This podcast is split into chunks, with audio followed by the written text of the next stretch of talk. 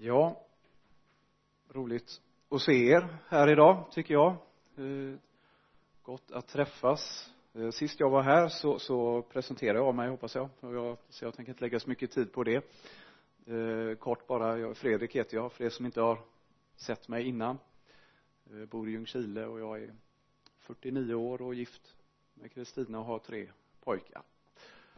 Och ja, jobbar som styrkeledare i räddningstjänsten i Göteborg så det är det då.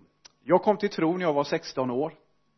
Eh, jag hade inte med mig det sedan min uppväxt så att säga utan jag fick möta Jesus på ett kvällsmöte när jag första gången kände en att någonting drog i mig. Och där böjde jag satt jag på en pall och bad första gången till Jesus. Och där mötte han mig. Och det är fortfarande det var då och är fortfarande det största och främsta som har hänt mig det har inte alltid varit rakt men hans närvaro är så påtaglig. Och du ska veta det du som lyssnar om du inte har någon erfarenhet av Jesus så ska du veta det att han har en tanke för dig. Ända sedan du låg i din mammas mage så fanns en, finns en tanke från Gud att du ska få lära känna honom. Så eh, vad som händer så, så än händer så, så släpp in Jesus. Våga pröva att be. Han vet precis hur du har det och känner med dig det. Han vill möta dig i det. Nu vill jag be också här till en början med innan jag börjar prata om mm. och Jesus tack att vi får samlas och att det är du som är huvudpersonen. Tack för den du är Jesus tack att du ser till oss som den stora skaran men du har också det här personliga. Du har en sån omsorg som, som vi får möta så många gånger hos dig Jesus. Och jag vill tacka dig för den här församlingen här Jesus. Du ser vad de står i just nu och går igenom och jag ber om att de ska få påtagligt känna att du leder.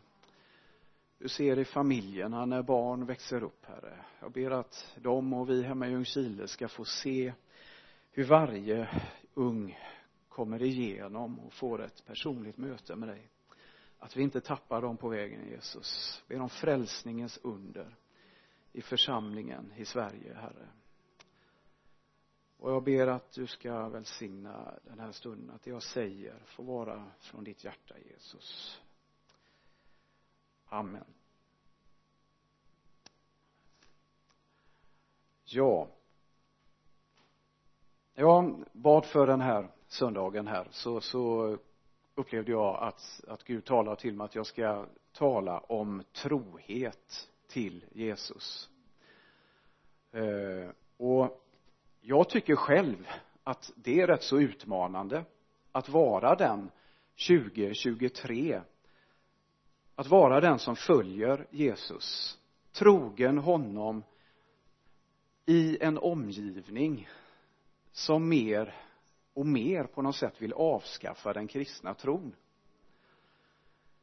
Eh, tyvärr så är sanningen den att du och jag lever idag i ett av världens mest sekulariserade länder. Och det här är inte påhittat det, det, det finns undersökningar om detta.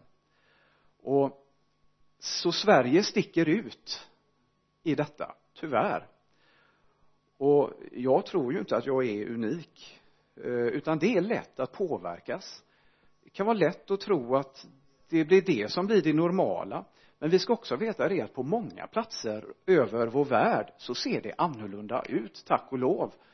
Men jag eh, var en pastor som skrev en, en pingstpastor. Han hade åkt eh, i ett annat land och en annan världsdel i tunnelbanan där tror jag det var. Och så på morgonen där så kanske det var 12-15 stycken i den här vagnen. Och fyra stycken satt med en bibel och bad, förberedde sig, talade med Gud inför en ny arbetsdag. Det där blir ju mer och mer unikt i Sverige och du ses ju som en extremt eh, avvikande människa sådär va.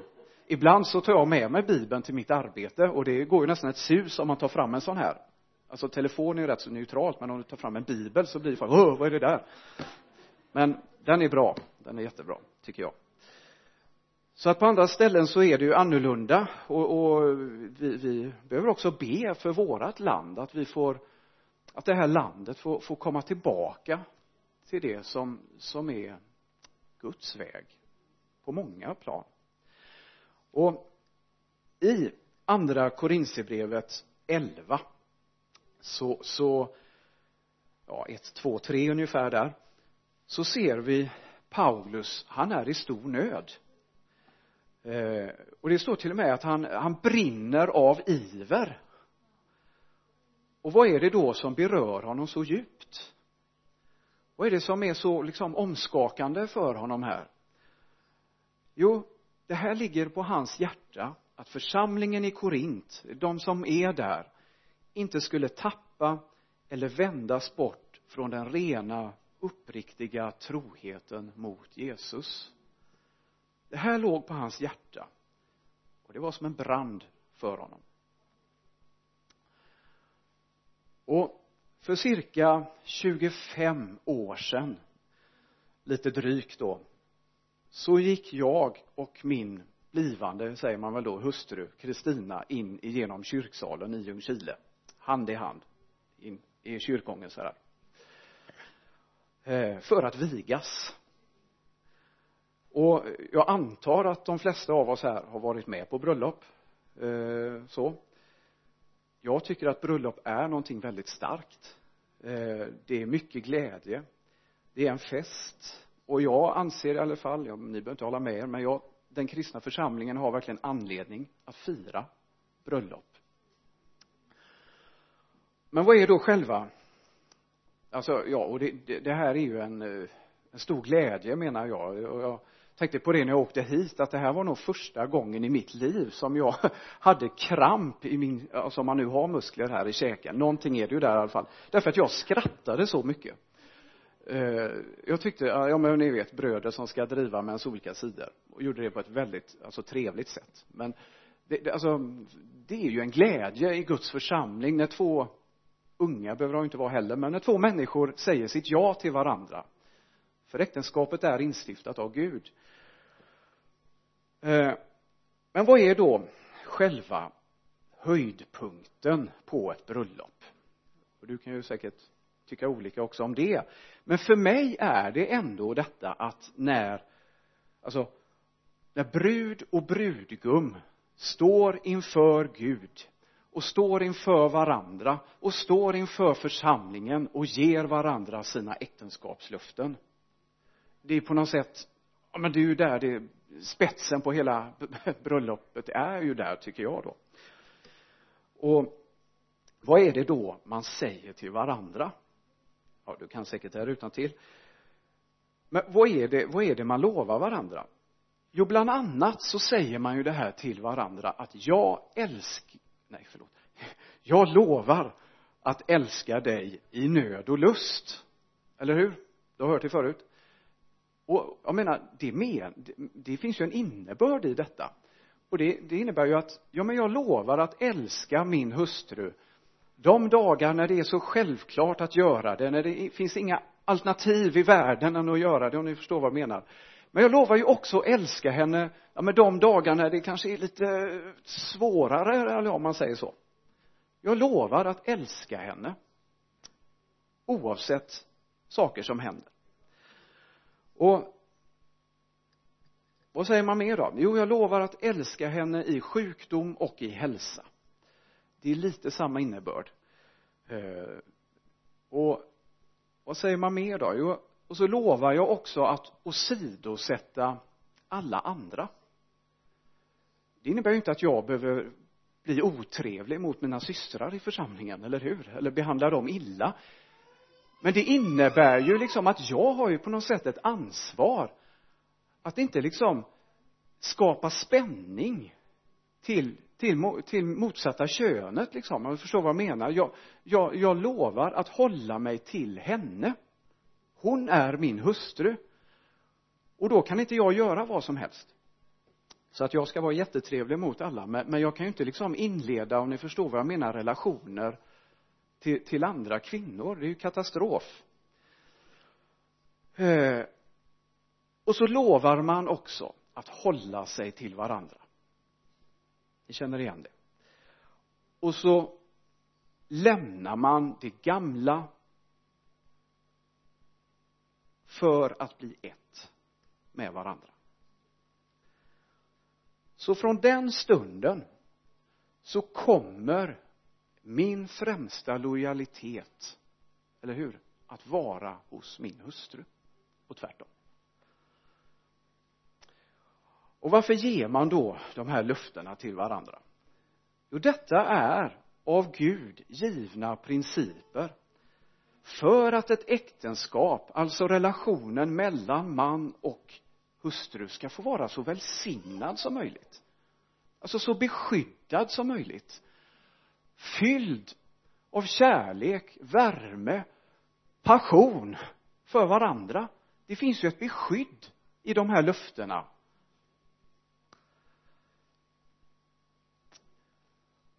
Och jag, jag vet ju det att för många människor så betyder detta nästan ingenting. Det blir en ja men tom, nästan tom ritual. Och jag skulle vilja säga så här, ni får väl skälla på mig sen men alltså äktenskapet är idag under attack. Om ni förstår vad jag menar. Eh, alltså det raljeras över äktenskapet.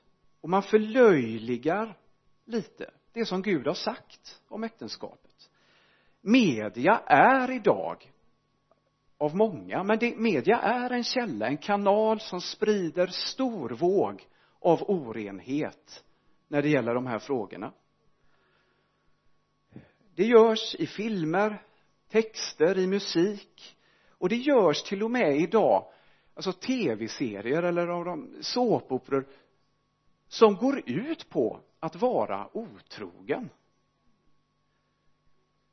Och man försöker liksom att det här är norm.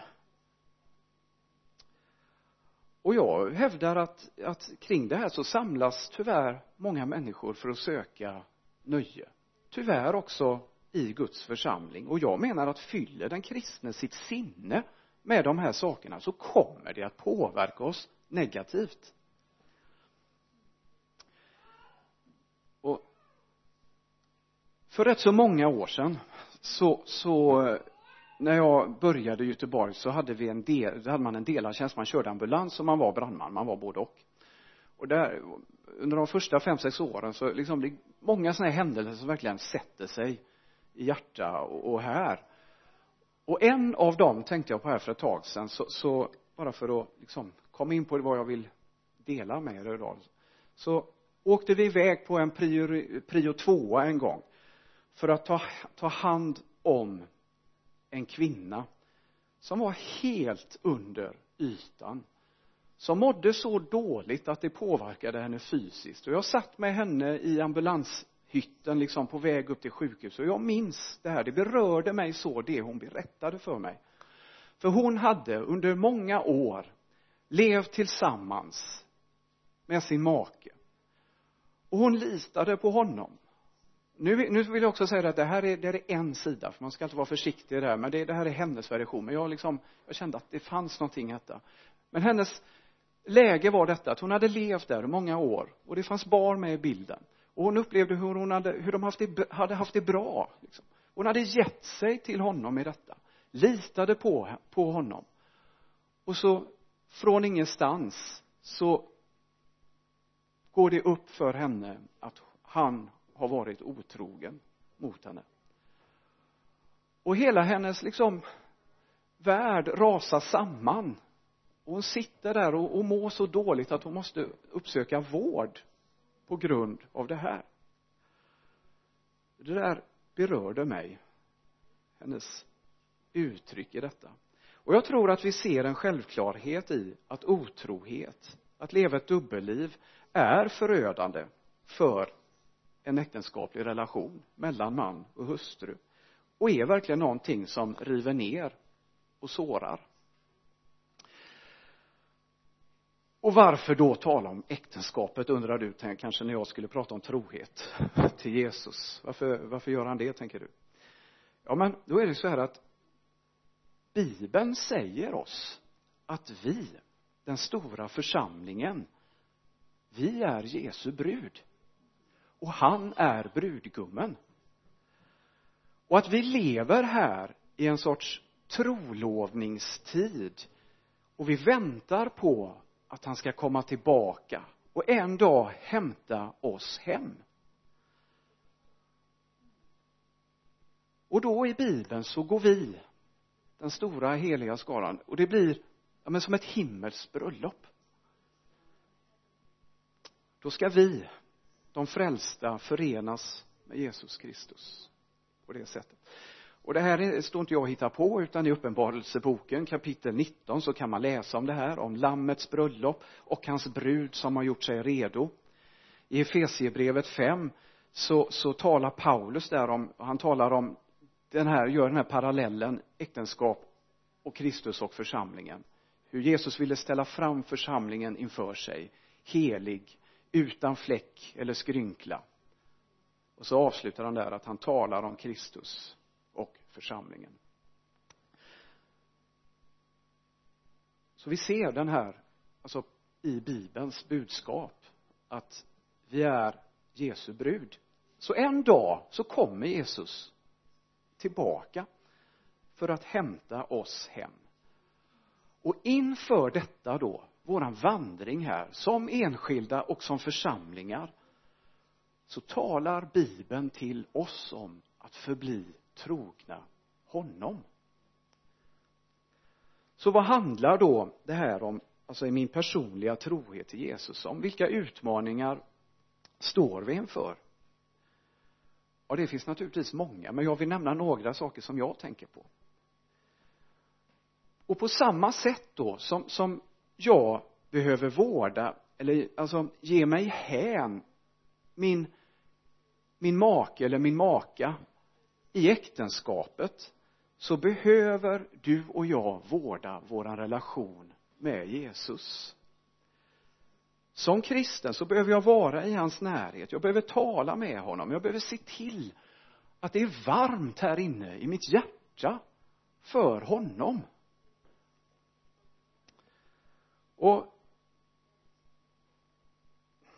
ja, men jag, det gäller ju inte bara de unga, men det här är en grej, det här är eh, trohet till Jesus, det är något som ligger mig nära till hans. Jag talar ofta om det till våra ungdomar hemma i församlingen.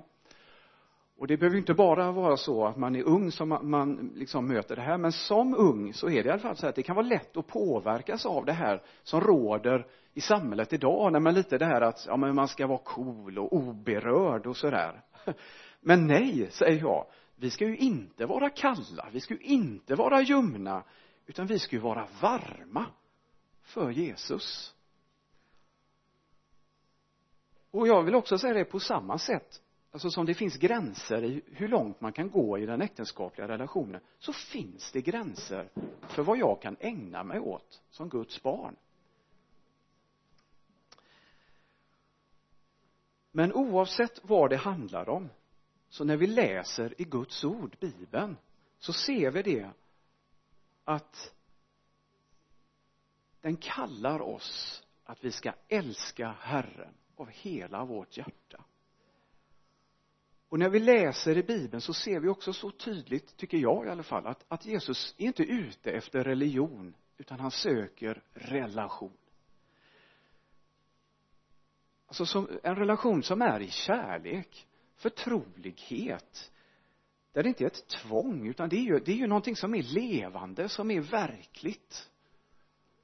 Eh, och jag säger ofta det, om inte jag hade fått ja, men liksom känna det här stora när han kommer mig nära jag hade inte orkat att vara kristen. Jag hade inte gått runt eller liksom låtsas om men det här är ju det bästa fast jag känner inte så. Jag känner verkligen detta. Jag tycker det är så fantastiskt att få få möta Jesus gång på gång när han kommer mig nära så livar det upp hela min dag. Tack och lov.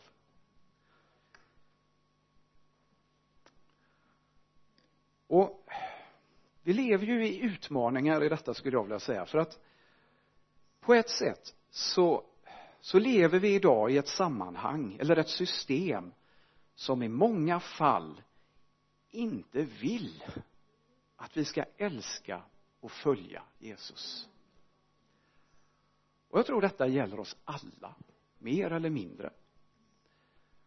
Det här som handlar om att vi kanske mer börjar tycka om den här världen och följer den mer än min frälsare, än vår frälsare.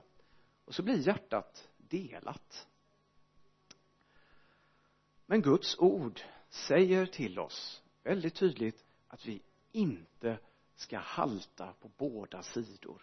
Ni vet om ni har läst i Elia, hur han talar till folket detta, hur länge ska ni halta på båda sidor? Men det finns ju en, en, en liksom famn från Gud, ja men kom och var med mig. Där är det bäst för oss som enskilda och som församling.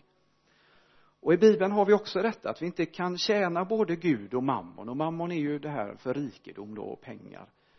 Och bibeln säger också till oss att vi ska inte älska världen. Vi ska älska människorna här men vi ska inte älska det här systemet. Eller vara världens vän och på ett ställe i ett av breven så, så ser man också Paulus liksom berörd liksom. Därför han skriver där att av kärlek till den här världen har Demas lämnat. Och jag, jag upplever att det här är aktuellt idag på grund av kärlek. Och jag skulle vilja också lägga till tryck kärlek och tryck från den här världen så finns det människor i Guds församlingar som lämnar sin tro. Och det är inte bra.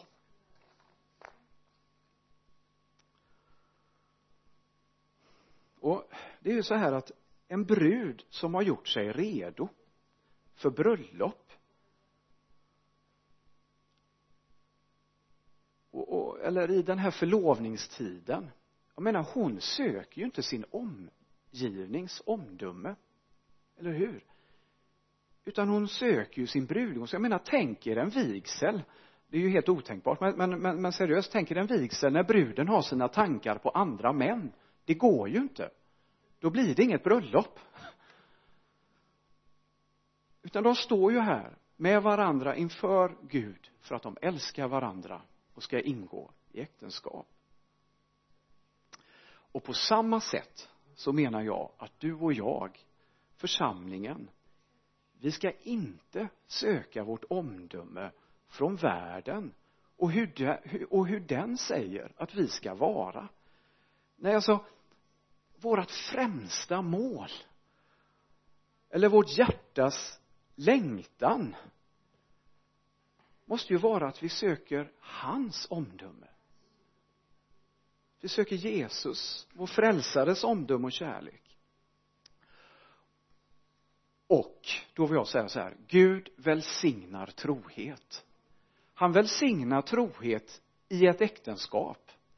Och han välsignar trohet i Guds församling när vi håller oss till hans ord och det som han säger. Det finns till och med jag läste för några år sedan i alla fall människor som kan vittna om det. De har inte tron att stå på men det finns alltså par, äktenskap som har valt att hålla fast vid varandra i alla år och kan säga vid livets slut de kanske inte använder ordet välsignat men förstår vad jag menar att det finns ett vittnesbörd om att detta har gjort oss gott. Vi har besparats från sår och trasighet därför att man har ändå hållit fast vid någonting som Gud välsignar och det är trohet. Och bibeln ger oss flera exempel på detta. Och på, på ett av de här det finns i Daniels bok. Jag, jag tycker om Daniels bok. Jag tycker den är väldigt utmanande att läsa. Därför att den handlar ju om att leva för Herren. Om man lite sammanfattar det då i en miljö eller omgivning som inte gör det. Och ni kan säkert den här helt utan till men ni vet i där i Daniels bok i kapitel 3 så har vi de här tre unga männen med de roliga namnen Sadrak, Mesak och Abednego. Ja. Eh, och ja, jag vet inte, de ligger väl kanske inte i topp idag på namn populära namn men de hette så i alla fall, jag tycker de har roliga namn. Och de här tre, de är ju deporterade till Babylon de, de, de är, de är liksom ska integreras i samhället. Babyloniserade om man får säga så. Babyloniseras kanske. Ja. Men nu då nu ska vi låta de här tre gossarna få representera församlingen du och jag. Och men jag vill också säga att, att det här handlar ju egentligen inte om att de skulle avsäga sig sin tro eller förneka den utan det handlar om att inte kompromissa med det i hjärtat som de visste var rätt och så står de här nu då inför Nebukadnessar och man har låtit ett påbud gå ut att alla ska tillbe den här guldstatyn böja sig inför den och de är inte hemma, eller hur? De är inte hemma, det är inte, detta är inte deras hemland. Och jag pratar igen om att de representerar dig och mig. Och de är få, hyfsat få i alla fall, om man jämför med deras omgivning. Men de är Guds barn.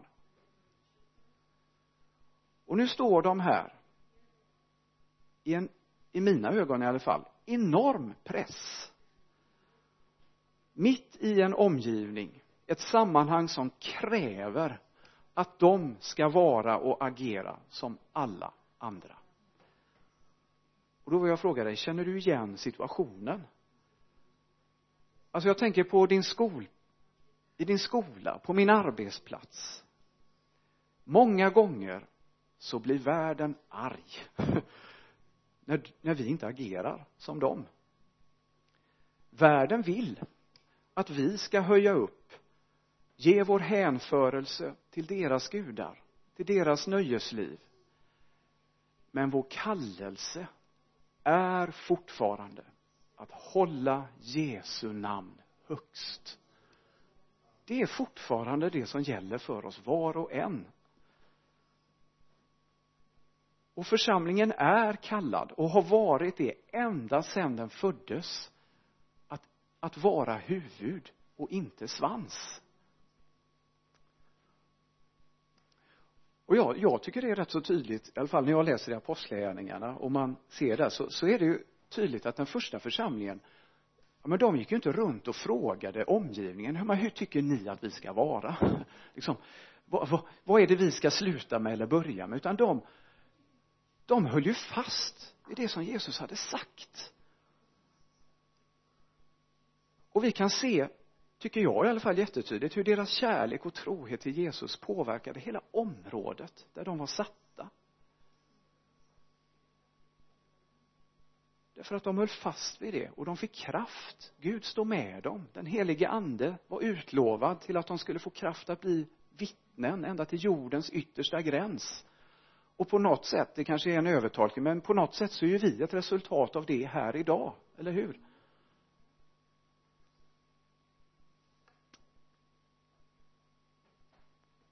Och så tillbaka till de här gossarna inför den brinnande ugnen. Jag, jag menar, det här är ju en situation som är helt galen. Och jag kan inte stå här och säga att ja, jag hade gjort som dem. Ja, de hade ju kunnat vika undan. Jag menar, ja men jag, jag tänker inte i mitt hjärta tillbe den här statyn. Jag böjer mig ner och knyter mina sandaler så är det bra, eller hur? Det går ju att komma runt detta.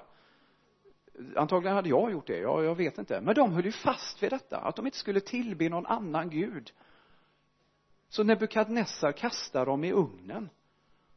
Och så kan vi ju läsa det här att Nebukadnessar kollar liksom, va? Är det fyra gubbar i ugnen? Och en ser ut som en gudason. Jesus var där. Och jag tror att vi alla här inne som tillhör honom, vi har exempel på detta, men när vi vet, när, när vi känner att, att han manar oss att stå upp för honom och vi vet också skillnaden när vi har åkt hem och känner där att nej, här gick jag fel. Och det är en skillnad för mig och det där är någonting som lär mig att hålla fast vid det som Jesus har kallat mig till. Det, då åker jag hem med en godare, alltså i hjärtat.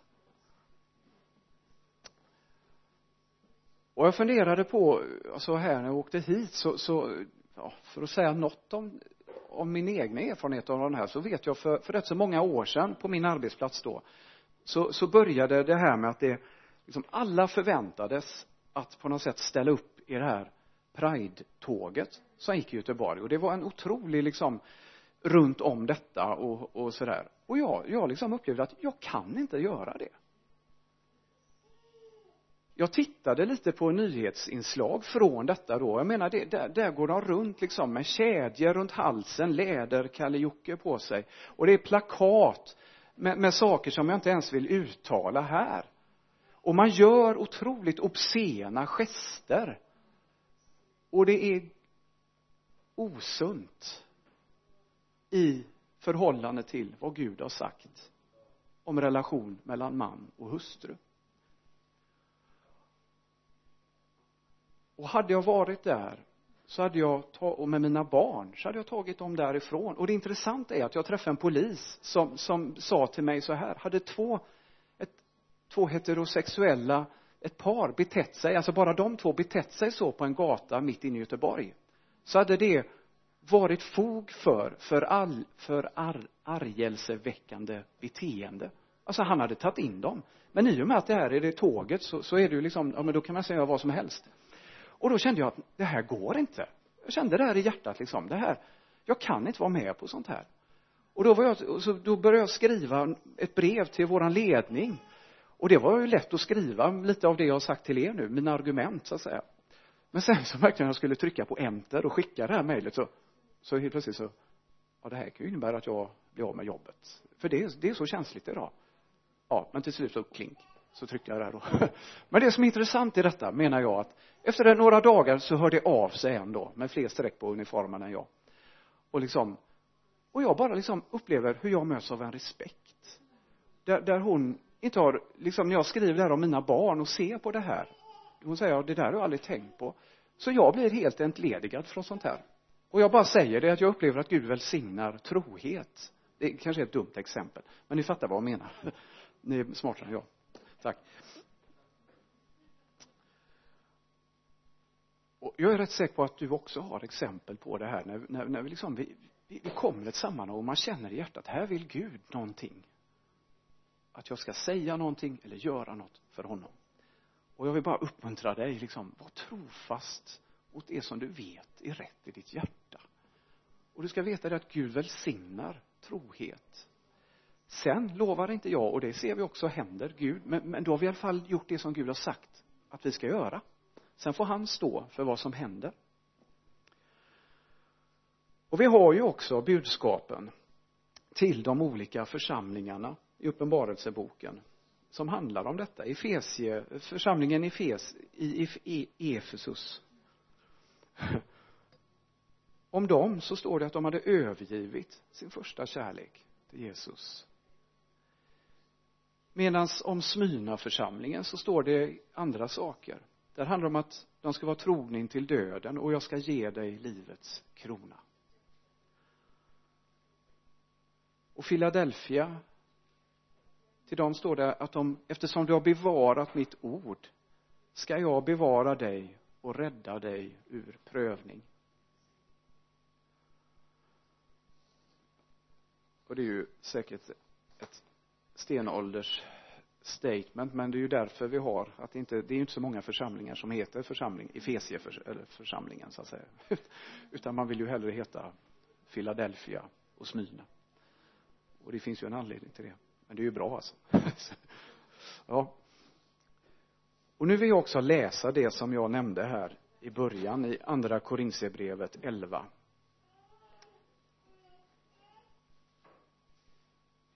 11 och 2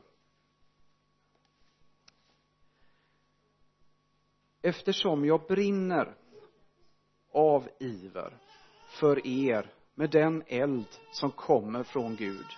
Jag har trolovat er med en enda man för att föra fram en ren jungfru inför Kristus. Men jag är rädd för att liksom ormen med sin list bedrog Eva så skall också era sinnen fördärvas och vändas bort från den uppriktiga och rena troheten mot Kristus. Och igen så vill jag säga det att man ser ju att Paulus har en stor nöd i detta. Alltså den och jag menar att den nitälskan eller den nöd som han ger uttryck för jag tror att det också återspeglar Guds hjärta. Han brinner för att sin församling ska stå trofasta. För han vet, Gud har ju tänkt en väg för oss som församlingar som är den bästa. Och jag tror inte den går igenom kompromiss. Och idag så skulle jag också då vilja ja men att vi stannar upp inför detta. Hur är det med mitt sinne? Har jag vänts bort från troheten mot Jesus? Och jag vill också säga det att jag tror vi alla är där då och då. Men budskapet från Jesus är ju alltid detta. Kom tillbaka till mig in i värmen. Han har plats alltid. Och det, och det blodet det renar oss från våra misslyckanden. Djävulen vill ofta sänka oss i saker och ting. Jag har ibland en sån här och det är ju lite löjligt men ibland så ställer jag mig hemma under dörrposten och så bekänner jag det Jesu blod över den dörrposten, över mitt liv. Liksom, därför att det är vad bibeln säger att det blodet har en kraft och makt att tvätta oss rena från allt skräp. Och det finns ju också det här att få, få liksom upprättelse på nytt. Så jag skulle vilja att vi idag också vänder oss till Jesus i bön och prövar oss i detta och ber honom att vi får förnya det här att överlåta vår trohet mot honom. Så att det inte är den här liksom omgivningen som får styra våra steg och värderingar för vi har någonting så mycket bättre och det är Guds ord. Det är där sanningen är. Och vi behöver inte vara rädda för det utan där är det bästa liksom. Så Gud välsigna oss här i Vänersborg och i Ljungskile och i den stora församlingen att vara just trofasta trogna Jesus i den här tiden. Amen.